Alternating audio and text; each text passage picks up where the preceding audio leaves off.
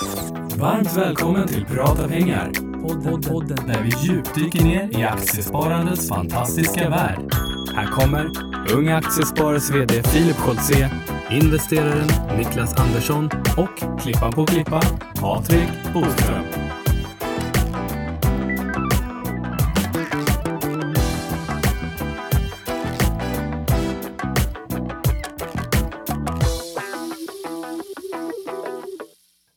Säger vi äntligen måndag och varmt välkomna till eh, podden Prata pengar. Niklas, eh, börja med att slå vatten i bordet så att det låter härligt i våra lurar.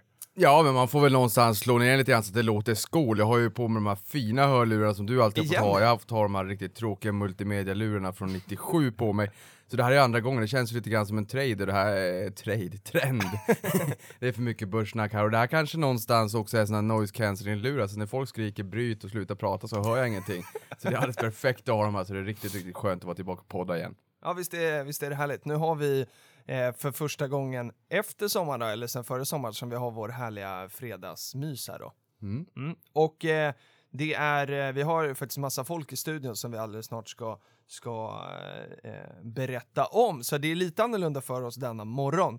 Eh, men jag tänkte att vi skulle börja med, jo, det har ju varit en speciell vecka, Niklas. Vi har ju jobbat tillsammans hela veckan. har, du, har du tröttnat på mig redan, eller känns det okej? Det har varit en otroligt hektisk vecka. Ja, det har det. Har du fått någon förståelse för varför jag ibland har haft hjärtat i halsgropen? Det har jag verkligen. Bra. Och, och jag inser så här att jag kommer liksom, mitt största jobb här tror jag kommer bli att bara bli det här skyddet som säger nej till allting runt omkring så att vi kan få fokus på det vi verkligen ska göra. Ja men då minskar ju risken på att jag får hjärtattack vid 40. Ja, för det ska du inte få, för vi ska ju podda i 40 år till. Ja, jag Och Du känner... har ju bara 10 år dit. Nej men åh, herre, du har ju rätt! Herregud, det, vart, eh, det tog någon sekund för min hjärna att dra den där matematiska eh, formen i skallen, men om 10 år så är jag 40, usch på det, gå vidare. Ja, eh, det jag vill säga i alla fall är att jag har haft en fantastiskt kul vecka med dig. Eh, det ska bli skönt med lite helg för att det har varit hektiskt och man behöver liksom landa. Men, men det är, har varit en otroligt rolig vecka eh, och det känns eh, jättekul med allting som vi ska göra. Vi vill också liksom passa på att tacka till alla i flödet som har gett oss glada tillrop under den här veckan och också sagt att det ska bli en rolig höst att följa det vi gör, både i Prata pengar här förstås som vanligt och men sen också i, i eh, Avanza Play och på eh, våra sociala medier mediekanaler och uppesittarkväll och allt kul som ska hända. Ja, för där tycker jag någonstans att, eh, ja men både, både Prata pengar och Uppesittarkväll eh, och eh, Avanza Play, eh, där Avanza Play kommer vi ju köra ganska mycket klipp, avanza.se play är ju våran adress. Eh, men podden här en gång i veckan blir ju någonstans sammanfattningen och det här riktigt, eh, vad ska man säga, ja det blir ju vare sig man vill eller ej, less is more, att man, vi försöker få in väldigt mycket inf intressant information i podden. Eh, och kanske precis som vanligt, liksom, under en evolutionscykel att fortsätta försöka utveckla podden lite grann. Jag menar play, det blir ju naturligt så att vi även kan visa bild, det blir ju visuellt för att det blir lite tv. Vi kan visa lite grafer och sådär. Och att vi sen försöker hitta det allra, allra gottaste och, och ta hit till podden. Just det. Så förhoppningsvis så kanske det blir ännu mer lärande, som det där avsnittet när vi körde eh, årsredovisningen. Resultaträkning, Exakt. balansräkning, kassaflödesanalys, ska vi göra. lite vd-ord, mycket mer sånt. Och skönt eh, att, att kunna ha en, en hel timme nu, eller vad vi landar på till slut. Det är... eh, För alltid har man den här klockan som, som jagar en. Eh, och även så denna morgon. Men nu känns det ganska lugnt. Jag kan ju säga som så här, det har tydligen kommit en klocka även till studion hos oss på jobbet. det fanns det inte tidigare. Finns det en klocka? Ja men du ja, är ju klockan. Att jag är klockan. ja, det är bra. Eh, vi kan väl också bara säga vad vi håller på med och eh, också uppmana er som lyssnar här igen då. Vi berättade ju förra Prata pengar, du och jag ska till New York. Eh, vi ska öppna Nasdaq och det är därför du och jag har väldigt mycket att göra just nu. För att det är eh, en miljard människor som är involverade i det här och eh, säger åt oss att göra det ena och det andra. Och vi försöker bara förstå vad vi ska göra. Eh, men vi kommer vara på plats i, eh, från 26 kan vi säga då, till den ah, första. Mm. Eh, vi åker tillbaka den första. Eh, så att vill ni hitta på något kul eh, med oss, känner ni någon som vi borde träffa, intervjua, vad som helst, hör av er. Ja för det här blir ju lite grann som, eh, det är ju inte bara du och jag som är där utan vi kommer ju skapa flöden också så vill, vi vill ju få det att kännas som att vi och våra följare är där. Ehm, Ja, exakt. Så att det blir lite roligt. Ja. Mm. Eh, apropå nya jobbet då så har, eh, har jag bakom mig eh, i vår lilla härliga fyra så sitter en person som heter Jenny. Eh, och eh, Jenny eh, sa till oss här i veckan att hon hade varit på, eh, säger du Hertz eller Hertz? Jag säger Hertz. Du gör det? Mm. Bra. Eh, det är många som säger Hertz nämligen. Och så ringer man till deras kundtjänst och säger välkommen till Hertz. Ja, det, vi, är- vi, är ing, vi är inte sponsrade av dem överhuvudtaget. Men Jenny hade varit där, eh, och det är inte din sambo Jenny utan kollega Jenny. Eh, och, eh, och så hade hon sagt att hon jobbade på Avanza och då hade en, en kille då där på Hertz eh, sagt att så här, Åh, eh, känner du, det var nog dig, Niklas. Och, eh, eller om det var båda, men jag tror att det var du. Och, eh, Eftersom att, eftersom att jag vet sånt här, att du tycker att det är lite roligt, det var förmodligen båda Filip. Du är en båda. jättehärlig Ja, kille, tack. keep on doing. Ja. Eh, och eh, i alla fall så då så hade hon sagt så här, ja det är mina närmsta kollegor, vi sitter tillsammans och sådär. Och då hade, då hade den här personen ja, men frågat så här, är de, är de som de är, ja men hur är de i verkligheten eller något sånt där. Och, eh, eh, och då, då hoppades jag att, hon inte svarade så här, då, det är riktiga dryga jäklar de där alltså. Men hon hade, hon hade sagt att vi eh, var, var trevliga och så, så att vi vill jättegärna hälsa till den här personen som vi tyvärr inte har fått ett namn på, men som jobbar på Hertz i, på Strandbergsgatan i Stockholm, på Kungsholmen. Eh, så vi vill hälsa till dig och kul att du lyssnar på, på podden. Eh, Jenny hade däremot sagt till honom att du var precis som i podden, att du pratar väldigt mycket. eh, så att, och, och det kan, det kan jag intyga sedan länge. Ja, man får inte fram något sånt där spamfilter, men det är väl det som är roligt och jag hoppas att det lyser igenom i den här podden, att vi älskar det vi gör och det här är precis det här vi brinner för. Vi har fötterna på jorden, ser man oss på stan eller tycker att det är trevligt, så här, kom och hälsa på oss, vi älskar att, att prata. Så att Ja, vi, vi, vi är två personer precis som alla andra, det är bara det att vi har två mickar och gillar att prata aktier, vi tycker att det här är kul. Sen kan man ju också säga att Hertz, Hertz, Hertz. är ju börsnoterat, men tyvärr en av de sämsta aktierna bland de mest handlade amerikanska aktierna senaste fem åren. Jag satt och pillade i min terminal här igår och hittade eh, en liten lista där det var just 100 eh, mostly traded, fast det var tydligen 120 aktier då. Eh, och sen så tog jag då fram såklart de aktierna som hade stigit allra mest från 200% upp till, upp till väldigt mycket. Jag vet vi har med oss den grafen idag. va? Jajamän. Men inget gott som inte har något ont med sig. Man brukar säga tvärtom och då tänkte jag aha, undrar vilka bolag det är som har gått allra sämst då. Väldigt mycket retail, brick and mortar retail death, men där såg vi även Hertz, så det var lite tråkigt. Men då har man rätt jämförelsetal. Då borde man ju kunna stiga väldigt Exakt. mycket om det börjar vi gå. hoppas, jag, jag tror att våra lyssnare på Strandbergsgatan kommer eh, kunna ge, lösa det här. Ja, exakt. Och, och det här är också en fråga som vi kommer komma in på senare. I och med det här, Hertz har gått lite dåligt på börsen, men när man jobbar på ett bolag, man är ju en, liksom, en liten del av bolaget som faktiskt kan skapa förändring och varje resa börjar ju med ett steg. Eh, och vi kommer prata om eh, om det är så att man ska vara delägare, aktieägare i det bolaget man jobbar för och vad man faktiskt kan göra för skillnad. Så vi kommer in lite grann på det. här. Fasen vad du på bra idag alltså. Ja men du det, är det där kom naturligt på något så här. sätt. Ja, det, det är som att nu när du och jag jobbar tillsammans en vecka så börjar vi mergea ihop det här. Eh, det är jättehärligt. Jag hoppas inte det blir som Intrum och Lindorf bara. Nej, Konkurrensverket kommer och säger stopp. Det var så va? Eller? ja. Ja. Eh, Eller från, eh, från um, europeiskt håll. Motsvarigheten. Ja, exakt. Men det finns en person till som har, eh, har påbörjat ett nytt jobb den här veckan eh, och henne känner ni mycket väl till. Hon heter Tove Sander. Varmt välkommen till podden! Tack killar. Läget? Det är fint. Hur, eh, hur känns det för dig nu så här? Både du och jag klev in på nya jobb i måndags. Hur har det varit för dig? Ja, det tog ungefär en timme, sen exploderade skrivbordet av papper. och eh, så har det fortsatt. Det har varit en, eh, en intensiv vecka, mycket nytt. Eh, men det har varit lite ensamt på kontoret så jag har ju suttit och lyssnat på poddar Ja. härifrån sommaren och Jag blev ju helt rörd på- när jag fick den här tweeten om att, eh, att du eh, på något sätt saknade min röst och då kunde lyssna på podden. ja, och så har jag haft så här Avanza Play i bakgrunden när jag jobbat. Oh. Och, Fint. Mm. Har vi skött oss tycker du under veckan? Ja, men jag gillar verkligen formatet. Jag gillar det här när man liksom kan se grafer samtidigt som ni pratar. För Mm. det blir lite mer visuellt. Och jag gillar ju det här lite mer visuella. Bra. Ja, och sen kan man väl säga sådär också när det kommer till de graferna vi gör. Jag menar, vi har ju designers och sådär, men det blir ju liksom, man ska beställa lite grann och det tar lite tid och man ska tänka efter och sådär. Så Niklas gör ju hillbilly-grafer själv, så tycker ni att graferna ser fantastiskt fula ut Nej, i, det i gör Play? de inte. Då är det Jag- mina. Så Nej, jag, jag tycker faktiskt att de ser otroligt bra ut. Jag är stolt över att vi i vårt lilla team, du och jag, kan göra det mesta som ni ser helt själva. Och just det som ser bra ut kommer inte då från mig, utan det kommer från Niklas. Tänk på att han är biased och en insider nu, så tycker ni att det ser fantastiskt bedrövligt ut så blir jag ändå lite stolt för Ja, att det är det är hellre dansa än bra och jag dansar absolut inte. Men Tove, jag är faktiskt för, eller förvånad ska jag inte säga, men eh, du, eh, det känns som vi har haft en bra överlämning för du har inte ringt mig speciellt mycket alls i veckan. Jag tror jag ringde min företrädare betydligt mer de första dagarna. Nej men överlämningen har varit jättebra och det har gått jättebra. Det enda var väl att det blev lite ensamt. Mm. Men eh, då hade jag sån tur så att eh, nya Tove Exakt! eh, Bra. kunde ju komma in redan i onsdags. Och då blev det lite trevligare på kontoret genast. Då tycker jag att du ska få presentera nya Tove, som inte är med i, i podden idag, men kommer, kommer säkert dyka upp eh, någon gång under hösten. Mm, Ja. precis. Nya Tove är en kille och heter Rasmus. Varmt välkommen Rasmus till eh, Unga Aktiesparare, får jag säga som medlem då.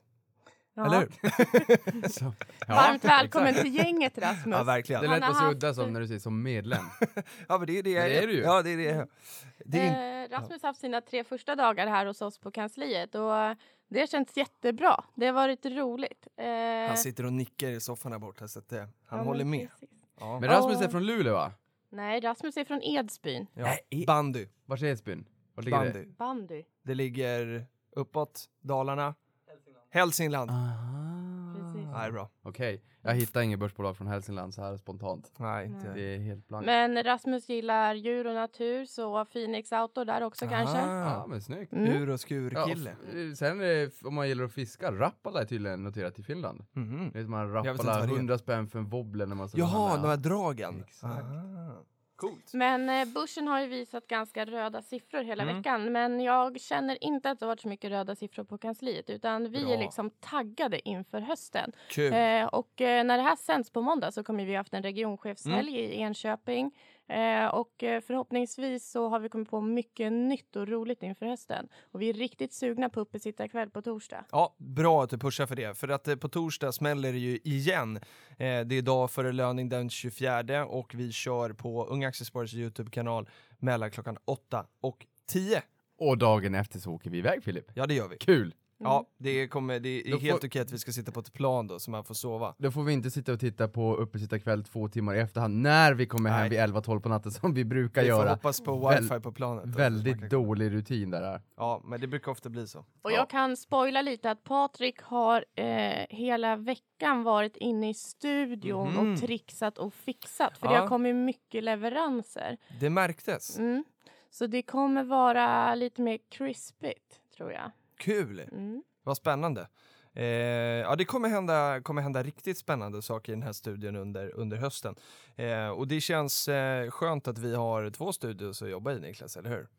För den här Exakt. kommer vi inte lämna i första taget. Ja men det kommer vi inte göra, snart har vi till och med tre studios och sen så har vi blivit inbjudna på några andra studios, så vi har en, en massa studios. Mm. Eh, och det roliga bara, är en sån här liten utsvävning, men, men när vi är i New York så kommer vi också befinna oss i den studion som CNBC och Bloomberg delar på. Just det. Eh, så då kommer vi kunna se lite grann hur, hur amerikanernas studios... Vid själva liksom eh, öppningen.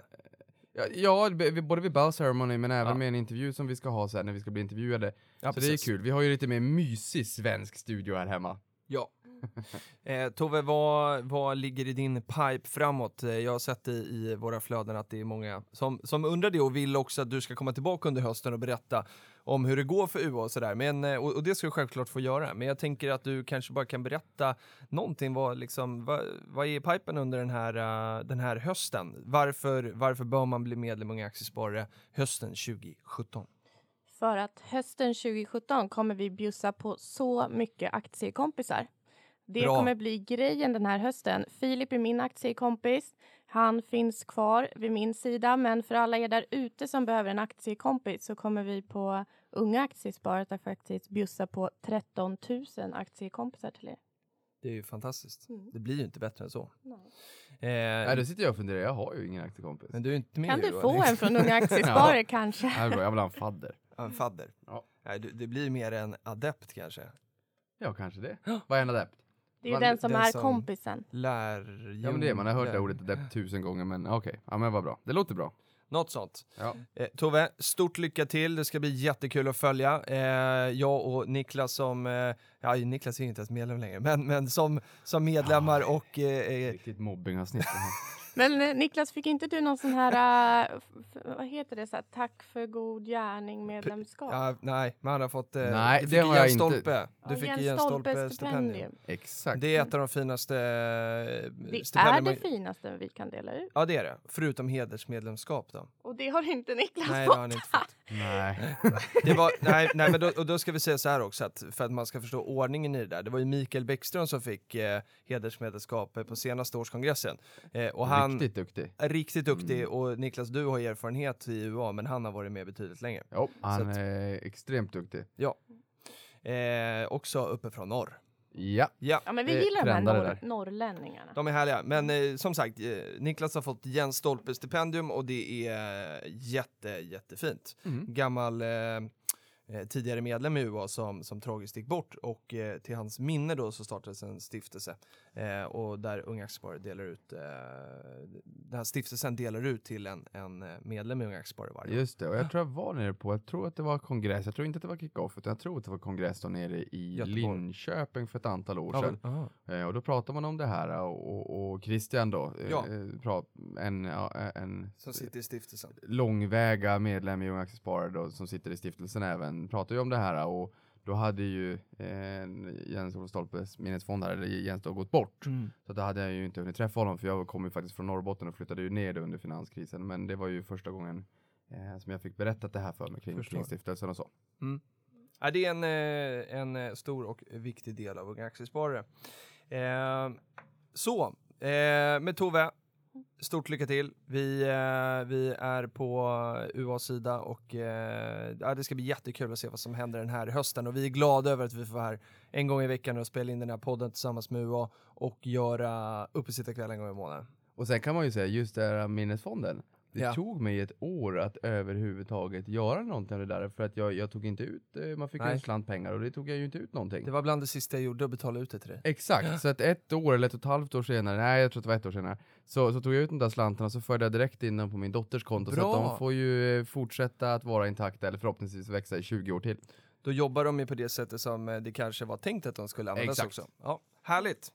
Eh, Nej men en ja. sak till. Ja, UA du. har fått en ny medlem den här eh, veckan. Mm. Eh, Ja! en Men inget rekord! Bra! Nej, det vet jag Men inte. det här är en medlem som vi verkligen har längtat efter länge och som vi har följt eh, hela vägen.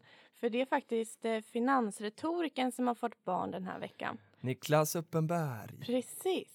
Så grattis till dig och Annika Niklas. Vi är Verkligen. jätteglada att vi har föryngrat medlemsstocken lite. Ja, verkligen. Jag pratade med honom igår eh, på vägen hem och han, eh, han bara sa att han, är så glad och lycklig hela tiden. Det lät så härligt.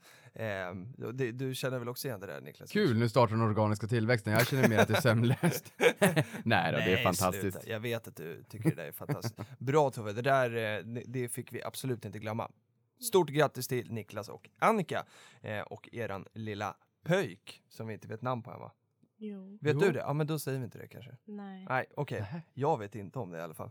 Jo det kanske vi vet. Det vet vi, för vi skrev det på kortet när vi skickade blommorna. Det gjorde vi. Då Just hör man vem det var som skrev just kortet Det var, Filip. det var Tove som skrev det. Det är sant och jag har nog hört det där innan. Vi går vidare. Tack Tove, kör hårt, vi hörs snart igen. Eh, jo Niklas, vi ska prata om att eh, börsen är ner.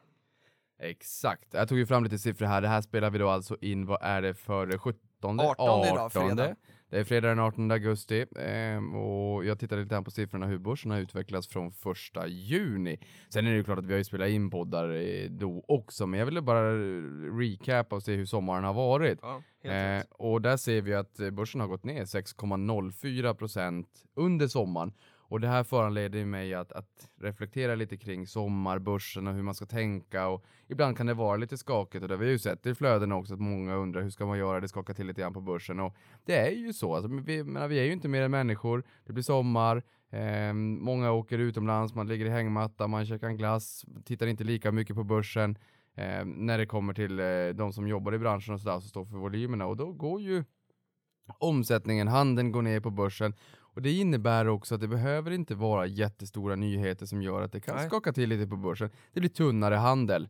Eh, och kvaliteten, jag tror vi var inne och pratade om det här tidigare, men kvaliteten i handeln och kvaliteten i signalvärdet för hur börsen går upp eller ner blir ju inte lika bra. Nej. Därför man brukar ju säga att om en aktie exempelvis går upp väldigt mycket under hög omsättning, under hög volym, så är det ett starkare signalvärde än om en aktie går upp 10% för att eh, man har gjort ett avslut på 10 000 kronor för att Mm. det är helt dött i, i orderboken när det inte händer någonting och sen är det en köpare som blir förbannad men tycker att ja, ja, jag accepterar den här tokiga säljsidan som vill ha jättemycket och sen jättestor spread. Ja, får, jag, får jag dra en riktigt kul liknelse? Ja, För nu, jag tror att jag lärde mig lite av att du och jag var på Nasdaq igår och pratade om blockchain. okej. Eh, det kom ju ut, eh, det kom ut klipp på Avanza Play. Men där pratade de om den här eh, Johan Toll då, eller den här Johan Toll som vi träffade där. Han sa ju att han skulle förklara det lite för oss för dummies som menade ju någonstans att, att om vi har noder som liksom gör transaktioner mellan varandra kommer fram till att ja, men du och jag eh, vill göra en transaktion, vi lägger det i en låda och så kör vi ner den här lådan i, i, i, i den här kedjan. Då valideras den av alla andra i kedjan. Mm. Eh, skulle man inte kunna, och, och därför är det då safe på något sätt. För Mm. att ja, Tove, en tredje part, har sagt att jo men det här stämmer, Niklas har det här och vill föra över det till Filip.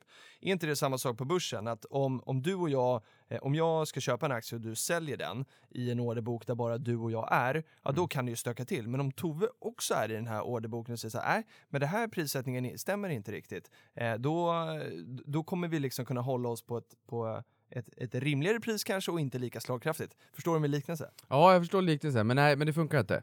Ja, Eh. men jag tänker så här, ju fler som är där Mm. eh, och kan liksom validera, ungefär som när omsättningen går ner, Ja. då, kan, då tänker jag, då är det inte lika många aktörer som är där och handlar. Mm. Alltså inte lika många ögon som tittar på, är det här priset rätt just nu? Medan när omsättningen är hög så är det fler där och handlar och ser till att priset hålls på en, en, eh, en, en nivå som fler tycker är okej. Ja, men nu är du inne mera på det. Ja, men det är rätt. Det var det jag ja, menade, men men det jag kanske förklarade dumt. Ja, ja. Ja. Mm. nej men det är mer rätt spår. Det, för det blir ju lite grann som ebb och flod, så här, när, när det är ebb Mm. och, och båtarna de, de eh, kantrar på sanddynen och sen så när det kommer in floden och lyfter upp alla båtarna så känns det mycket bättre. Så är det ju. För det här är större volymer på, på börsen så är ju förmodligen också prissättningen betydligt mycket bättre. Medan som du säger, det här är mindre omsättning, det är mindre volymer, då kommer du inte riktigt få samma kvalitativa prissättning. Mest troligt, sen finns det inga garantier, men, men, men man skulle väl kunna eh, d- d- tro att det, att det är lite så, förmodligen. Eh, och det här gäller ju inte minst bland mindre bolag som inte har lika många eh, analytiker som följer en och inte lika genomlysta. De kanske inte har några analytiker överhuvudtaget. Eh, och då är det småsparare i mångt och mycket. Sen så är volymerna kanske inte så, så jättestora. Där ska man kanske vara ändå lite mer försiktig. Eh, men just det här blockchain, det är ju ett klipp som kommer att komma ut. Det var ju lite intressant för du och jag kan göra en transaktion sinsemellan, sen så lägger vi det i någon form av kub, sen kastar vi ut det i, i, i en blockchain-kedja som finns i massor av datorer runt om i hela världen som säger ja men vi vittnar om att den här transaktionen har ägt rum. Just Och det är som att du och jag skulle kunna stå på, på Avanza och säga att jag säljer mina eh, H&M till dig för 350 spänn. Och du bara okej, sen så kommer inte du ihåg det, men sen så står det 30 andra som har bevittnat det här och säger jo men den här transaktionen har faktiskt Mm. skett. Eh, och det är det som är lite grann det, det intressanta med blockchain. Nu ska inte ni som lyssnar på det här tro att jag har gått och blivit helt betuttad i, i bitcoin, det är en helt annan grej. Nej, fast vi Eh, lärde oss väldigt mycket igår och förstod kanske kraften i det på något sätt. Ja, och också att de kanske tyckte att bitcoin inte riktigt har kanske riktigt den framtiden som alla tror, men att själva blockchain-teknologin är Ja. väldigt spännande.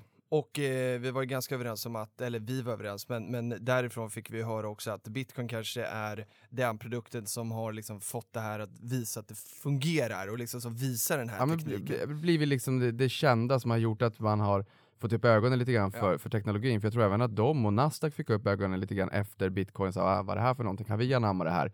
Och det intressanta där var ju, nu svävar jag iväg på blockchain, men det intressanta var ju att man... det är mitt fel. ja, det är faktiskt Ja. ditt fel. Men, men att man pratar om att um, blockchain-kedjor kan göra att, jag menar, det handlar ju om transaktioner Mm. och att man kan transferera allt annat som är mera lättförståeligt istället för att det är en kryptovaluta, en Mm. bitcoin eller vad det kan tänkas vara, så kanske det är aktier eller valuta eller kanske rent av fast egendom i form av fastighet, fastigheter och lantmäterier.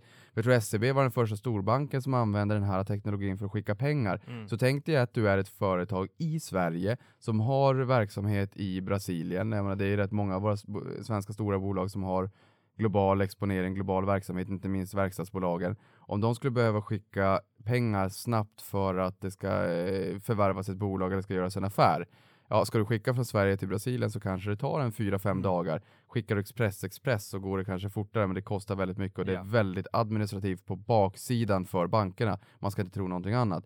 Och, Vi hamnade alltså i blockkedjeteknik Ja. från att börsen var skakig. Ska vi försöka backa vi tillbaka? gå tillbaka dit, men tänk dig då blockchain. Mm. Om du som företag i Sverige i din svenska affärsverksamhet vill skicka en slant pengar, 100 kronor, till din brasil brasilianska verksamhet så kan du alltså med blockchain på bara några minuter säga att ja, men nu har jag skickat över det här och du skickar Mm. inte över någon bitcoin utan det är liksom det är US-dollar, det är Ja, rena exakt. pengar du skickar över som kan användas där borta. Mm. Eh, och hur ska man då kunna skicka över pengar utan att gå via centralbanken och utan att u- liksom veta att ja, men de här pengarna finns här? Jo, för då kan man koppla upp kanske alla stora banker i hela världen. Så att SEB i Sverige tillsammans med kanske Banco Brasilia i, i Brasilien, jag vet inte ens om det finns en sån bank, de gör själva transaktionen. Mm. Men JP Morgan, Citibank, Merrill, äh, äh, Bank of America, Merrill Lynch, Swedbank, Handelsbanken, Nordea, alla banker i Sverige säger ja, den här transaktionen har skett. Alla banker har i det här lilla klustret vet att den här transaktionen har skett Mm. och det behöver inte heller vara dolt att man inte vet vem som Nej, skickat utan det är transparent. Ja, men på något sätt så kan man göra transaktionerna väldigt, väldigt snabbt och det här Mm. skapar en massa mindre extraarbete. Men börsen är alltså skakig, det var, det var där vi började. Och eh, hur agerar vi när det är skakigt då? Ja, och det beror på vilken typ av skakighet det är. Jag menar, det, det är naturligt att volymerna går ner på sommaren, att det brukar kunna bli lite skakigare. Sen, Ja, men Tove sa att det har varit lite rött under veckan och det har det ju varit på vissa håll. ja, sen, sen tråkigt nog så, så fick vi också de här geopolitiska spänningarna som vi har pratat lite grann om, både med USA och, och Nordkorea, eller främst USA och Nordkorea. Och det har vi haft tidigare år under somrarna också, Israel, Palestina, Iran och med kärnvapen, eh, anrikning och eh, Ryssland, Ukraina, Krim så. vi fattar. Eh, så, så att, eh, och jag menar, det här brukar blåsa över ganska fort faktiskt. ja. Är, är det så att vi får sämre fundamenta från bolagen eller att vi hamnar in i en recession eller att, att det är någonting mer som påverkar bolagen så brukar det vara lite jobbigare. Men, men just den här typen av oro brukar vara, leda till att man drar bort spelmarkerna från bordet, vill sänka risken lite grann och, och titta kanske på vad de andra aktörerna gör, vet att det är lite slaget under sommaren. Mm. Men det brukar blåsa över ganska fort. Eh, nu tänkte jag att vi, vi har fått eh, lite rolig, eh, eh, eller två roliga tweets om det vi pratade om förra veckan. Eh, först så fick vi en från eh, Spelkoma angående Kopparberg, eh, eller Kopparbärs då. Eh, eller hur vi nu vill eh, säga det. Du berättade ju att eh, du hade varit uppe i norr någonstans och där de sålde Kopparbergs enkom. Det var unikt och då så sa vi så här, hur kan det vara så? Vad har liksom var, var, varför väljer en restaurang eller hotell och sånt där att bara jobba med en leverantör? Eh, och då fick vi här från Spelkom som sa att morsan har ett hotell i Norrland. Hon fick hela sin uteservering betald av Kopparberg för ett exklusivt samtal med dem. Eller eh, avtal. samtal hade ju också varit trevligt för att vi, vi hade ju Bronsman här i podden och han var ju väldigt schysst. Med ett exklusivt avtal då. Eh, och för det så fick man uteserveringen betald. Okej, ja men då har man ju gjort en, en deal och så tycker man att det är okej. Jätteroligt. Kul att vi får sån här eh, feedback på sånt här, så vi lär oss. Ja, och det här är ju... Jag tycker att det här är ganska intressant och spännande att se hur det fungerar. Jag menar, det kan ju vara så att man är ett litet mindre företag, man kanske inte riktigt har den slanten för att bygga den här fina uteserveringen, eller kanske inte vågar expandera och satsa och kanske låna pengar på banken och då kanske man måste pantsätta sin privata bostad och så här. Det är ju inte jätteovanligt bland lite mindre bolag. Nu har inte jag en aning om det här hotellet i Norrland är ett mindre bolag, det kan vara ett stort komplex också. Det, Det har, jag ingen, det har jag ingen aning om. Men, men, men intressant att se att det fungerar så här, för som sagt, det var ju i, i Björkliden fjällby så var det ju helt exklusivt samarbete med Kopparberg. Det var Kopparberg överallt och då frågade jag ju det. Eh, och då sa man det, de fick ju inte sälja något annat än. Kopparbergs. Eh, och just De hade fick säkert någon liknande deal då. Ja, och när vi fick in det här från, från sk- spelkommaren, den här tweeten förklarande från hans, hur hans mamma hade gjort också. Det, det är rätt spännande, lite grann en förlängning så att vi får en ökad förståelse för, för upplägget helt enkelt. Ja.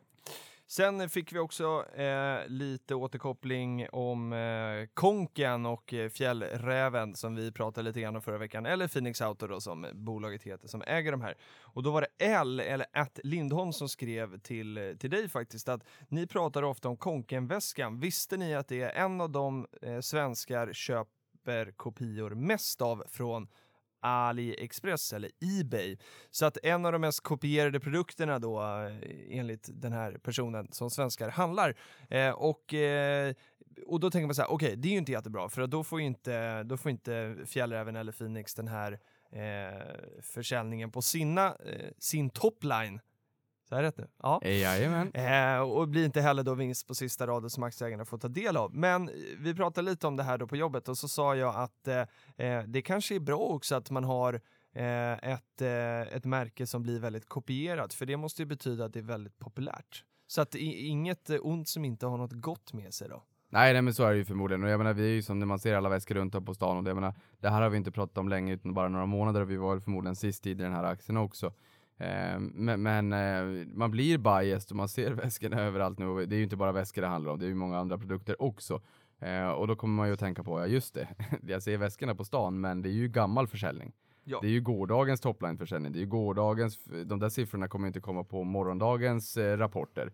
Så att de eh, spelar ingen större roll för framtida intjäning. Fast jo, det gör det väl ändå. För att har man varumärkena på sig, man använder dem, man tycker om dem, man mm. kommer förmodligen vara likely to köpa eh, de här produkterna i framtiden. Du går runt och gör reklam för, för varumärket. Många ser dem på stan. Man tycker, aha, det där är lite trendigt, så här, men jag ska också köpa en sån.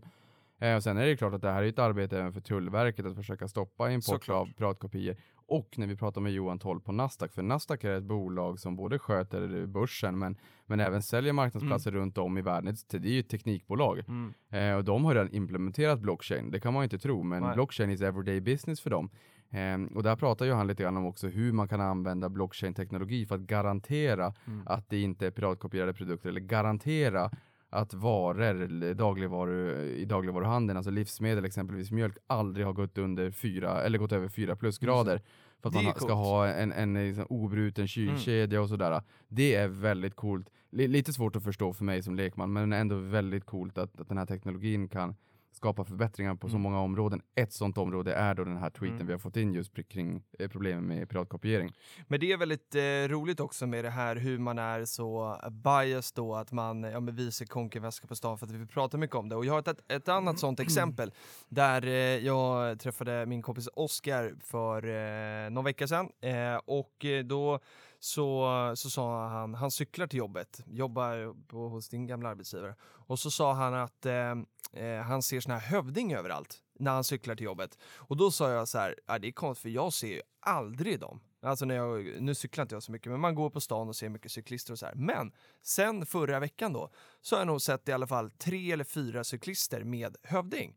För att helt plötsligt så tittar ju säkert efter det då. Så att det, eh, det, är, det är väldigt roligt hur hjärnan funkar med sånt här. Ja men där måste jag bara också... Så ta allt vi säger sånt här med en nypa salt. Det är ju inte, det är ingen eh, statistiskt säkerställd unders, eh, undersökning att vi har liksom sett massa konken, utan Nej. Det, det, är ju vad man tittar efter. Också. Nej, och bara för att vi pratar om konken så betyder det inte att man ska springa och köpa Phoenix Outdoor. Den har gått upp väldigt mycket de senaste åren. Vi är rätt långsiktiga av oss, men man får göra en lynchning som jag brukar säga. Ja, en Peter Lynch och gå på stan och se hur... Eller gå in i deras butik och få ingen service som jag. Ja, just det. eh, nej, nej, men bara titta och försök se på stan. Vad, vad är det som händer? Vad använder folk? Vad, alltså, jag menar, du har kunnat bli mer än rik på den, eh, den eh, den approachen tidigare. Jag har sagt det för ett gäng avsnitt sedan tidigare också. Jag menar, kunde man köpa spelbolagen när det började eh, bli riktigt, riktigt hett. Jag tror poker vart väl hett 2001, 2002, 2003 någon gång. köp Kopparbergs, eller, om man hade köpt Kopparbergs när alla skulle dricka cider. Tro mm. mig, det fanns en tid när många i alla fall skulle dricka cider, inte alla kanske. De har ju öl också, i vår ungdom, alla skulle ha Sofiero för det var typ det billigaste. Nu går vi vidare. Eh, jag måste säga en sista, även Apple också, när alla skulle ha en iPhone. Eh, det är flera tusen procent i de här, bara de här tre bolagen. Så att, ja. att bara se på stan vad det är som händer och köpa därefter, det är liksom, eh, man har kunnat göra rätt fina affärer där också. Men det är också eh, svårt att liksom vara med från början. Det är väldigt lätt att man är där när alla andra är där på något sätt. Har fått köpa aktien när det börjar trenda, när man börjar se att ja, någonting händer, Fast, folk börjar köpa vissa produkter. Vad jo, är det för någonting? Men det, det, är ju liksom, det är ju såna här achiever-människor som ligger väldigt långt fram, och liksom, eller early adopters heter ju det, ja, ja. som liksom eh, upptäcker saker snabbt. Och så har vi andra som kommer in väldigt sent, och då mm. kanske, om man inte upptäcker att iPhone är en het grej förrän väldigt sent, så kanske det är för sent aktien också. Det var bara det jag ja, menade. Ja, och inte läsa någon sån här typisk eh, branschtidning, utan bara försöka öppna ögonen ja. och se vad, ja, vad, an, använd, används det för produkter och tjänster runt om i Våga vardag. lita på din egen förmåga. Och sist men inte minst, är du, är du tapetserare så kommer du veta vilka tapeter din vän har i sin lägenhet. Eh, jag vet knappt vad det är för konst som hänger på väggarna på min arbetsplats, men jag vet definitivt hur mina vänner och kompisar och kollegor investerar. Mm. Eh, så just på tal om bias. Nästa fråga kommer från Svenssons sparande på Twitter under hashtag prata pengar. Eh, och eh, frågan lyder så här då. Bör du som anställd tillämpa pilotskolan, det vill säga äga aktier hos din arbetsgivare? Eh, och den ska vi svara på, men vi ska också lägga till ett, ett annat inlägg i debatten då som kommer från, från Jessica som mejlade oss. Och mejla kan man göra på pratapengar.ungaaktiesparare.se. Eh, och eh, Jessica säger så här då, har hört att man aldrig ska investera i det företag man arbetar på. Stämmer det? Givet att man inte sitter i en position som har börspåverkan. Med vänlig hälsning Jessica. Och då vill jag börja med att svara på det här givet att man inte sitter i en position som har eh, börspåverkan. Alltså sitter man i en position på ett bolag där man har eh, liksom information om saker och ting som, som är eh, kurspåverkande så finns det ju regler kring det hur man får handla. Man får ju aldrig liksom handla på börsen om man, om man sitter på saker som, som eh, inte marknaden vet. Eh, så att det där är väldigt reglerat. Men eh, vi tycker ju självklart att eh, man ska tillämpa pilotskolan eh, kring sin arbetsgivare, är det inte så? Jag skulle nog aldrig kunna jobba på en arbetsplats där jag inte har möjlighet att vara aktieägare. Eh, och det handlar ju lite grann någonstans om att eh, antingen aktieägare eller någon form av incitamentsprogram på något sätt så att man känner att man sitter med i båten. Det finns den här gamla låten, Staten och kapitalet, som sitter i samma båt. Mm. Och någonstans när jag stiger upp på morgonen, går till jobbet, så måste jag ha en motivator. Mm. Varför går jag upp till jobbet överhuvudtaget? What makes me tick? Ja, du får ju en Ehm, lön. Ja, fast that doesn't make me tick. Jag har en lön, jag har utdelning från portföljen också. Jag skulle kunna sitta hemma och pilla naveln och käka havregrynsgröt trots att jag inte gillar det. Eh, och titta på text-tv trots att jag aldrig gör det. Eh, eller tv-shop eller Ja, vad det, kan tänkas vara. dumt. Det kanske inte hade varit så roligt. Så att lönen, jag tror Filip, i vår generation, lönen är inte det som är vår motivator heller. Bara. Vi har funnits en sån här statistik, en lön upp till 40 000 där någonstans, sen är det avtagande marginalnytta, sen är det liksom närhet till skogen och allt sånt där lulligt som vi inte förstår eller som jag inte förstår, men som man kanske tycker är lite bra och kroppen mår bra av det. Eh, gå ut och promenera och få lite motion och sådär. Um, så att lönen, ja det är viktigt, du ska få mat på bordet och sådär, men det blir en hygienfaktor. Du, du, som all, de flesta har ju ett jobb och man har mat på bordet och sen så har vi ett, ett bra socialförsäkringsskydd i Sverige också som tar hand om, om de svaga i samhället.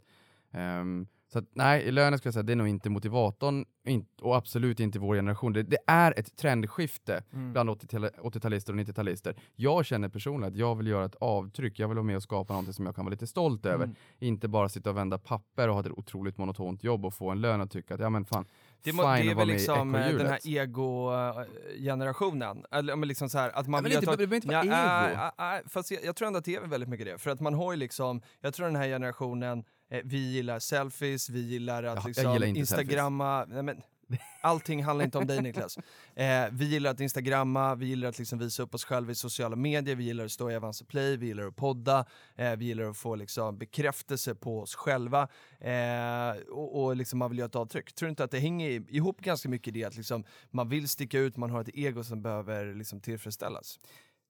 Jag vet inte riktigt. Alltså, jag gillar inte att se mig själv i Avanza Play. Jag gillar inte att höra mig själv i podden. Ja, alltså, det är väl lite roligt ibland sådär. Men alltså, det jag gör, det jag gillar, det är ju att prata om det här ämnet eftersom att jag älskar det. Det här är ju min motivator. Det är Ehm. inget fel på det, men jag bara försökte förklara ett, eh, någonting som jag tror på. Men så här, jag, jag håller helt med de här. Sen vill jag, eh, eller de här, jag håller med Svensson Sparande. Eh, eller vill säga ja på den frågan att eh, jag tycker också själv att eh, man, om man kan, ska kunna investera i sitt bolag. Hade jag haft ett eget bolag så hade jag också sett till att de personerna som jobbade i det hade möjlighet att få, liksom, få vara med och eh, eh, få jobba framåt. Ja, och sen ska man också säga, jag vill bara skicka med att är det så att man är på ett bolag där man inom citationstecken kan säga att man jobbar på golvet, eh, så ska man absolut inte underskatta den påverkan man har på bolagets långsiktiga framgång. Nej. Eh, och den del man har i att skapa en företagskultur och ha roligt på jobbet. Um. Sen är det så här, en grej som jag är, inte nödvändigtvis, eller jag håller inte med om det här, men jag, jag kom på det här i, igår när, när vi satte upp den här agendan. Att det finns en, ett risktänk här som man skulle kunna eh, liksom lägga in. Jag har hört någon gång, eh, det var i någon podd, när någon eh, som jobbade i finansbranschen sa att han, tror jag att det var, inte ägde några aktier för att han tyckte så här att men jag jobbar i finansbranschen eh, och får lön från finansbranschen. Skulle börsen gå ner så liksom eh, eh, går det dåligt för bolaget som jag är anställd av, kanske riskerar mitt jobb. Om jag då också har alla mina pengar i den världen så liksom så uh, sätter sig även liksom de pengarna då. Så att liksom han ville då sprida risken genom att liksom inte investera. Jag, jag, jag, fick inte ihop det, men jag förstod ändå vad den här personen menade. Och det jag kan tänka mig här skulle ju kunna vara ungefär samma sak då, ett risktänk. Att att eh, om man investerar i bolaget man arbetar på och det går åt pipsvängen så riskerar man ju då både sina pengar som man har sparat eh, och liksom då kanske sitt jobb som, är, eh, som sköter den löpande ekonomin som ser till att vi får mat på bordet och kan betala våra räkningar. Och, och, och så kan det ju vara, men då vill vi bara lyfta att allting är inte svart och vitt, utan i så fall köp för pengar som du har råd att förlora. Man behöver ju liksom inte Eh, om det är så att ett bolag man jobbar på har ett incitamentsprogram, du och jag står inför det här själva nu, där vi om en vecka ska säga hur mycket vi vill teckna hos våra arbetsgivare. Eh, och så håller man på att dividera fram och tillbaka hur mycket man ska göra och så vill man vara lite ung och cool och så, så här, men jag vill sitta tungt i båten. Eh, men, men det är faktiskt viktigt att man, man gör det på ett sunt sätt i så fall så att man känner att eh, om det här går åt pipsvängen, vilket det kan göra, för optioner kan ju förfalla värdelösa, då har du förlorat alla pengar du har investerat. Eh, att man då uh, faktiskt gör det med pengar som man faktiskt har råd att förlora också. Mm. Och sen är jag i och för sig ung och cool Filip, jag vill känna att jag vill investera i, i mitt bolag precis för, för den här motiva motivatorn. Ja, men förstår vad jag menar. Jag man, är, man, har, man är ju liksom, vi är mm. unga och lite kaxiga och tänker så här, att liksom, nej men vi har, vi har, jag pratade med en annan kollega om det här i, i, igår, att så här, man, man, man känner eh, att man är, är, ung och lite tuff och lite kaxig, att man känner så här, vi har så lång tid kvar att arbeta så vi kan ta lite högre risk nu. Mm. Nu har du barn visserligen, men jag har inga barn, har ingen liksom sambo, så att liksom jag kan så här, jag kan ta lite högre risk i mitt liv idag än vad jag kanske kan om tio år. Mm. Det var mm. det jag menade med mm. Ung och cool. Jo, Inte att man slår sig för bröstet. Nej, nej, nej, jag fattar vad du nej. menar och jag tycker nog att jag är nog lite lillgammal gubbe Eh, och, och, har varit med om, om när det har gått ner väldigt mycket ja. och är ödmjuk inför det faktum att det, det, det ain't just happy times. Eh, du vet på min dator på, på jobbet ja, så har jag den här bilden med happy days are here again och sen så var det tre veckor senare här i, i oktober 1987 när det var den här kraschen och mm. Eh, amerikanska index föll 508 punkter och det var nästan, inte riktigt, men nästan 25 procent. Eh, och det var alltså bara några veckor senare. Men, men, i det här fallet, man vill sitta med i samma båt. Jag vill att det ska göra lite ont ifall det är så att man inte lyckas gemensamt skapa värde i bolaget. Och en poäng eh, av flera förvisso på, mot det vi säger här kan ju precis vara som du säger, om man sitter och jobbar på ett bolag Eh, man får lönen från bolaget och sen så äger man aktier i bolaget också. Det blir som kaka på kaka ja. ifall det går riktigt dåligt. Aktier är det enda tillgångslag långsiktigt som har varit den absolut bästa investeringen riskjusterat. Så är det bara. Om vi om framtiden, det kan vi inte säga om, men mest troligt. Mm. Um, sen ska man inte ha alla pengar i en och, och, och, samma aktie och jag menar, det här kan man ju säga och ni som sitter och lyssnar på det här kanske tycker att det är självklart, så självklart är det inte. Uh, under IT-boomen så, och, och därefter egentligen för, för Telia kom in 13 juni 2000, men många satt på Ericsson och Telia. Mm. Många Ericsson alltså anställda eh, som under IT-boomen bara hade aktier i Ericsson. Och då kommer det via incitamentsprogram ju. Bara hade aktier i Ericsson. Jag har många kollegor på min tid under SCB som berättade om kunder som hade fantastiskt fina löner på Ericsson, fantastiskt mycket aktier via optionsprogram, mm. incitamentsprogram och sen så kollapsade det. Mm. Man blev varslad kanske till och med, plus att eh, aktierna var mer eller mindre värdelösa och vände på tre kronor. Eh, så att verkligen just det här med riskspridning och de gyllene reglerna 10 till 15 aktier, 5 till 6 olika branscher. Det är inte bara att man tycker att det är lite kul att ha lite gyllene regler och att det låter bra, utan det finns ju faktiskt finns en baktanke bakom det. Bra. Eh, nu ska vi klara av ett par eh, snabba frågor och eh, första kommer från en frekvent mejlare som heter Maria eh, som eh, skriver så här då. För de som inte har Twitter, vad kommer eh, man att kunna se i era portföljer? Eh, och det här bygger egentligen på att jag eh, sa i, eh, i Play här i veckan att eh, eh, jag tänkte att du och jag skulle tweeta ut varje uppesittarkväll hur våra portföljer ser ut, för det är många som frågar. Eh, och Eh, och här är då frågan hur, eh, om man inte har Twitter, hur ska man kunna följa? Jag vet inte. Eh, vi kanske får göra någonting på Instagram eller så får vi lösa någonting längs vägen. Men, men du och jag jobbar så hårt vi kan för att vi ska verkligen kunna visa liksom, vad, vi, vad vi har i våra portföljer, vad vi köper, eh, så att det är lätt att följa. För vi har eh, ingenting att dölja, Nej. eller hur? Nej, och är det bara compliance så skulle vi nog kunna visa det på, på vår sajt Exakt, också. Det, det är det jag menar att vi kanske, det hade varit drömmen att vi kunde få till det så. Sen skrev eh, Petson så här att eh, nybörjare här, kan ni ta upp grejen med handelsstopp? Varför existerar detta fenomen?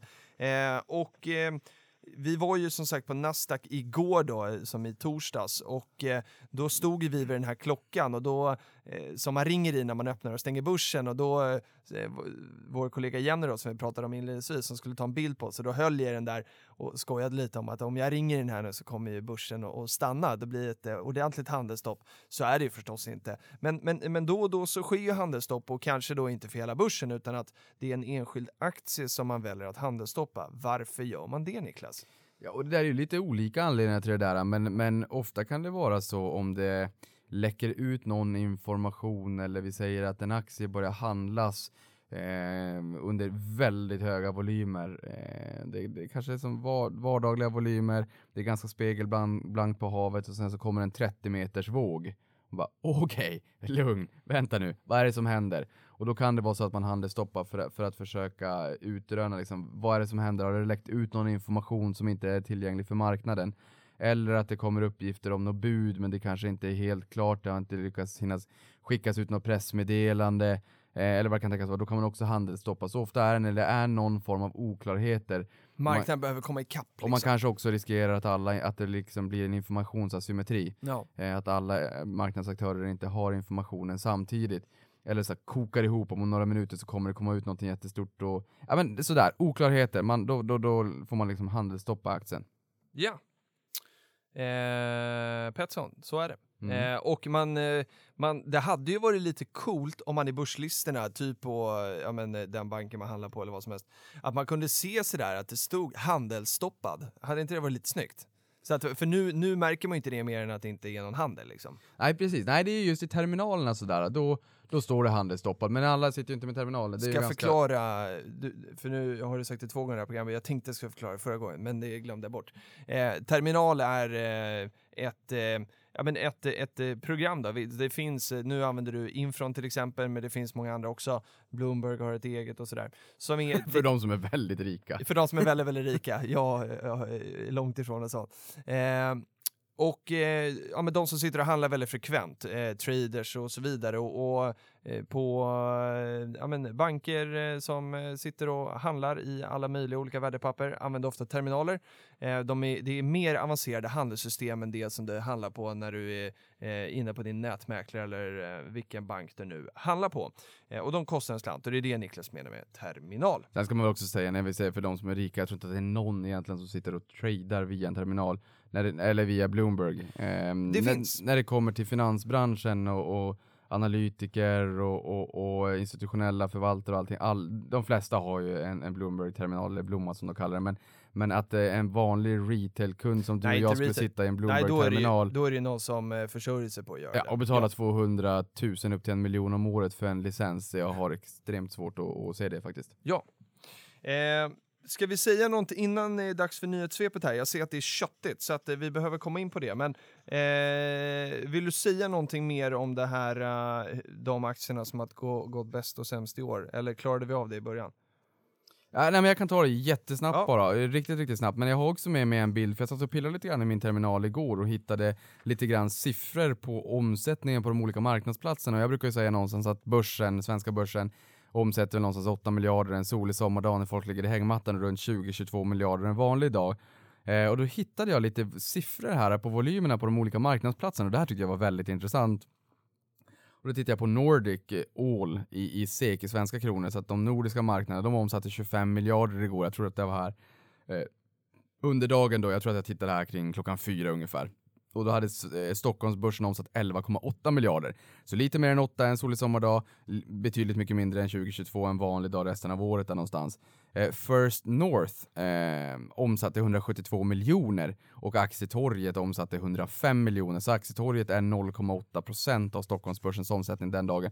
Så man förstår proportionerna, att det Just är liksom rätt enorma skillnader. Nu har vi inte så mycket institutionella flöden i, i, på Aktietorget eh, och det är ju institutionellt flöde, det är ju enormt stora summor pengar. Ja. Eh, De stora pensionsbolagen och fonderna och sådär som alla. Precis.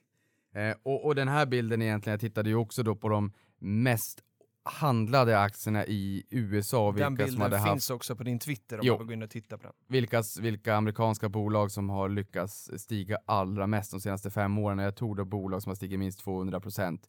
Eh, så minst 25 procent om året i tillväxt under de här fem åren. Man kan göra så. Eh, ät investeraren på Twitter så Mm. hittar ni den grafen istället. Det blir lite roligare att sitta och titta på den själv. Och där har jag ett tips också. Man kan välja att trycka sen på medier så får man upp dina bilder så behöver man inte scrolla igenom hela flödet. Nej, då har ni några tusen, tusen bilder att titta på, lite grafer och sånt där. Ja, nej, men jag menar, det är ju, du lägger ju ut bilder jo. s- mer sällan än tweet så att det Mm, går fortare att hitta dig. Är Ja. det dags för nyhetssvep? Ja, vad kul att du får på dig själv. Det gör du helt rätt i. Kör igång! Ja, nu kan vi kolla eh, VIX-index. Eh, har vi varit in på några gånger här nu under sommaren. Det har blivit lite grann trend. Är det för att Aftonbladet skrev om det? Jag Jag, pratar- vet inte. ja, kanske.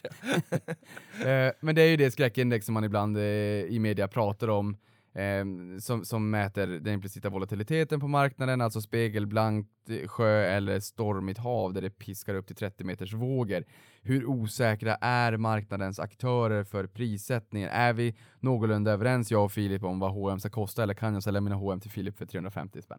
Nej, det kan du inte. Nej, eh, den ligger på 15 efter, och den har stigit ganska markant eh, den senaste tiden. Den var ner på ni, eh, 10, 9, 10 där någonstans. Det var väldigt, väldigt låga nivåer. Man har ju i mångt och mycket skrivit om det är de lägsta nivåerna på 10 så många år, på 15, 20 år eller vad det kan tänkas vara. Mm. Det har stigit lite grann, man ser inte att det skrivs så mycket om det eh, längre. Eh, och så jag, jag tittade där att senaste året har intervallet på VIX-index varit 8,8 till 23. Och jag tror någonstans att om vi bara tar Stockholmsbörsens, det här är S&P 500, tar vi Stockholmsbörsens volatilitet Mm. historiskt så brukar väl den ligga kring 20 förutom när det är riktigt jobbigt som, som finanskris etc. Ja. Sen har vi kinesiska e-handelsbolaget Alibaba som kan sägas motsvara amerikanska Amazon kom in med en rökarrapport. Bolaget är Kinas största e-handelsbolag vars omsättning steg 56% och vinsten dubblades. För kvartalet eller? Ja. Jäklar. Förklaringen ligger tydligen i stark utveckling på den kinesiska e-handelsmarknaden. Det här är skönt. Det är så här, förklaringen ligger i att det är en liten one-off för att det var något speciellt just det här kvartalet. Det, är så här, nej, det, här, så här, det är stark utveckling för, för kinesiska Ja. e-handelsmarknaden. Precis det man vill höra. Coolt. Eh, bolaget är upp 193% sedan botten som bildades den 29 september 2015 och eh, upp 86% year to date. Wa- eh, när man skriver YTD betyder year to date eller från årsskiftets start till, till I den dagen år. man då skriver Ja. det. I år helt enkelt. Eh, och det häftiga här, jag såg en lite så kuriosa bild här tidigare under sommaren när Amazon eh, var ute och sa att deras dag Amazon Prime levererade, eller genererade en miljard. US-dollar i försäljning på 30 timmar och Ja. det var rekord för Amazon. Och så kommer Alibaba in och säger du, eh, dude, vi klarar det på fem minuter. Eh, så man förstår vilken enorm eh, kraft det är bakom Alibaba också. Och jag har inte tittat på bolaget närmare, man kanske borde göra det. Kanske perfekt. Får fråga Patrik, han kan ju, han kan ju Kina. Ja, det här är kanske ett perfekt innehav för, för min dotter att ha i 20 år och se vart det bär hän. Eh, och det här kommer att bli en liten utsvävning eh, på just den eh, nyhetssvepet just kring Alibaba, för jag lyssnade på en podd, en amerikansk podd på vägen hit eh, i morse. Mm. Och då hörde jag också att eh, 55% av den eh, kinesiska befolkningen använder internet på ett ungefär. Eh, och vi hade riktigt, riktigt höga siffror när det kommer till eh, tillväxten i mobilanvändning av Alibabas mobiltjänst. Mm. Den var, det var långt över 20%. Jättefint. Och då sa man så här att 55% av de kinesiska, eh, kinesiska befolkningen använder internet och man, det är ungefär 750 miljoner människor. Eh, sen får man ta bort lite barn kanske som är underåriga och sådär. Då kommer vi ner under 750 miljoner. Eh, det är 530 miljoner människor i Kina som använder Alibabas app. Eller coolt. använder i mobilen. Det är coolt, man skulle kunna säga att det är snart nästan varenda kines i, i myndig ålder som varken är för ung Mm. eller för gammal. Det är otroligt imponerande. Verkligen. Eh, så det, Tencent då. sen har vi Tencent, också kinesiskt, internet under, gjorde rekordvinst i andra kvartalet. Även de äger 5% av Paradox, bland annat svenska spelbolaget. Eh, och då har vi Fredrik Wester också lite, li, lite åt Kina-hållet, precis som Patrik som du sa här, kan kinesiska ha varit verksam där och gillar marknaden. Eh, och där hade de stark tillväxt inom spel och mobiler till PC som var receptet då för, för den här rapporten. Eh, intäkterna steg 59% och vinsten steg 70%. Tencent är upp 70% i Hongkong year to date. Det är det här man vill se, det är enorma tillväxttal. Coolt. Sen har vi Volati, kom in med lite sämre rapport än väntat, det var lite besvikelser i flödet såg jag. Ehm, och det här var ju eh, delvis tack vare ett bolag som heter Corroventa vars avfuktningsmaskiner inte behövde användas i samma utsträckning som förut på grund av att vi har haft en torr sommar i Europa. Corroventa är ju underleverantör till Anticimex. När vi var nere i Almedalen var det någon som haffade fast oss som jobbade på Anticimex. Jag frågade Ja. lite grann om Corroventa och det här är ju såna här implicita risker i bolagen som man inte riktigt kan styra över, väder och vind och sådär. Eh, och vi har en liten eh, satsning, kanske du och jag, i Avanza Play framåt med, med råvaror. Vi kommer få lära oss lite mer om det och där är det mycket väder och vind. Mm. Eh, men Patrik Wallén, eh, en av grundarna, till, förutom eh, Pärlhagen i, i, i Volati, de är, de är fler än så, ehm, var ute och tweetade att sju av tio somrar i Europa så har vi haft översvämningar. Okej. En grej som jag tycker är lite intressant här är också att Pref-aktien var nere 1,9% som mest. Mm. Eh, och riktigt hur kvartalet eh, faller ut påverkar ju inte riktigt eh, preferensaktien utan det är ju mera hur, många slant, hur mycket slantar finns i kassan, kan ni betala utdelning, vad har ni för kassaflöden? Eh, den var ner 1,9%, den var alltså ner en kvartalsutdelning för de delar Mm. ut 40% om året, eh, i, eh, 40, 40% om året hade varit bra, 40 kronor om året. Eh, Så just såna här, vad ska man, jag tycker det där var lite en felprissättning. På morgonen, ner ganska mycket, då hade det snabbt kunnat kapa till dig eh, en, en hel kvartalsutdelning bara Mm. på att det varit lite oro och preffen åkte med. Man ser det här ganska ofta. Ja. Nåväl, rejält ökad handel på aktietorget, 2,4 miljoner avslut under 2016 jämfört med en halv miljon avslut på aktietorget under 2015. Och sen har vi från 2015 Mm. Eh, där, då fanns det 146 bolag till dagens 163 bolag. Eh, så de, de har fått lite skjuts, det är ju kul. Jag såg att handelsomsättningen Mm. på aktietorget under hela 2016 Mm. var 21,6 miljarder. Mm. Det är alltså motsvarande en normal dag på Stockholmsbörsen. Just det. Eh, och aktietorget står alltså för under 1% av, av eh, Stockholmsbörsen när jag tittade också, hade jag pratat om lite tidigare. Sen har vi ICA som lanserar innovationshubben ICA X som ska leda till eh, att de på ett bättre sätt kan använda digital teknik för att förbättra kunderbjudandena. Så det är ett sånt hemligt testlabb inom ICA och målet är att 3 till 6 projekt per år ska presenteras som förhoppningsvis då kan förbättra kunderbjudandet till kunderna och kundupplevelsen förhoppningsvis. Spännande. Sen har vi Facebook som lanserar Facebook Markets, vilket leder till ett hårt slag mot exempelvis då Blocket som är stora i Sverige. Eh, och jag lyssnade på deras VD på Ekot och eh, han sa att det inte skulle påverkas Det nämnvärt. var och riktig diplomat, eller så här, han lät missnöjd. Han lät missnöjd när man lyssnar mellan raderna. Ja, kanske, för men det, det var väldigt så här, ja, det här är ingen överraskning, det här visste vi skulle komma och la la la vi står för kvalitet och hit och dit och så. Ja, och det, så kan det ju vara. Han menar ju Ja, på du att tyckte han lät mig säga, det uppfattade Ja, inte det jag. tyckte jag. Alltså det, det kan ju vara så att eh, när Facebook Markets kommer in och sådär, att det lyfter upp intresset för andrahandsmarknaden överlag som kan ge Ja, kanske eh, Blocket en svung istället. Vi b- bråkar ju lite grann Avanza Norden sinsemellan, men ibland kan man säga så här, eller gnabbas, ibland kan man säga så här, ja men vi lyfter ju intresset eh, och gynnar ju varandra för att vi försöker förstå att människor kanske ska komma till oss snarare än en storbank Sverige. Men, och han menar också på att Facebook Markets har funnits länge på Facebook där man kan lägga upp annonser gratis. Men han lät lite missnöjd. Schibsted som äger Blocket ner 7,4% under veckan. Yes. Eh, och där vill jag också säga att någonstans 60% av vår kommunikation är ju kroppsspråk. Nu såg jag inte honom, men att man kan förstå både Ja. kanske genom röst, tonläge, hur de lägger fram det vid sidan av vad de säger, men även om man ser människan, hur man agerar med kroppsspråk kan man få en ökad förståelse för vad de egentligen tycker. Sen Walmarts onlineförsäljning steg 67% senaste kvartalet och det här är riktigt imponerande. För någonstans under sommaren, det som har varit en tema är ju lite retail-döden, brick and mortar i USA. Sen har vi fått en liten uppsvung igen i Q2an med att det kanske inte är Det så här att brick man... and mortar har jag sagt tre gånger i den här podden, men ingen fattar vad det är. Inte Ja, jag men, men, men vanliga fysiska butiker helt enkelt. Okej. Alltså i, i, i två olika läger, e-commerce eller e-handel, att det, man beställer det mesta på internet och, och som Jim Cramer brukar säga i, i Mad Money, att man knappt lämnar soffan, man beställer sin Domino's pizza i men det är, bara, det är bara ett namn då, alltså brick and mortar alltså. Ja, det är bara en Ja, generell term. Och sen så tittar man på lite Netflix. Så att man faktiskt tar sina Ja, apostlahästar och Ja. rör sig ut på stan och faktiskt går in i riktiga fysiska Vi butiker. Eh, många av de här kedjorna har ju påverkats negativ av, eh, negativt av Amazons framfart, men jag tror att det finns nog säkert plats för mer än en aktör vid sidan av Amazon. Däremot Walmart-aktien är upp 10% senaste Mm. fem åren, så det är ju verkligen ingen rolig utveckling i en riktig kalldusch när man tittar på de siffrorna. Sen har vi sist men inte minst, världens största tillverkare av elektriska fordon 2016, fick, eh, var de det i alla fall. Kinesiska BYD, Build Your Dreams, som Warren Buffett investerade i 2007, de tappar 20% av sin topline, alltså sin försäljning under senaste kvartalet, vilket berodde på minskade eller alternerade Mhm. subventioner i Kina. Och det får ju mig att. Ja, men får mig att inse lite grann att man är fortfarande beroende av fordon, eh, elfordon subventioneras. Ja, ja. Det har vi också eh, pratat lite grann om när det kommer till vindkraft och det det som slog lite grann mot Ratos väldigt hårt under 2007 innan finanskrisen när den kinesiska femårsplanen lades lite grann på is, att man är lite beroende Ja. av subventioner. Jag vet inte, men jag tror inte att Tesla är jätteberoende av subventioner utan man har ett otroligt starkt varumärke kan säga det ändå. De som lyssnar på det här har säkert mer information än mig, jag vet inte, det är bara vad jag tror. Nu hör jag att din röst är eh, färdig för att gå vidare. Vi ska spela in lite annat den här dagen också, så du måste eh, hålla dig.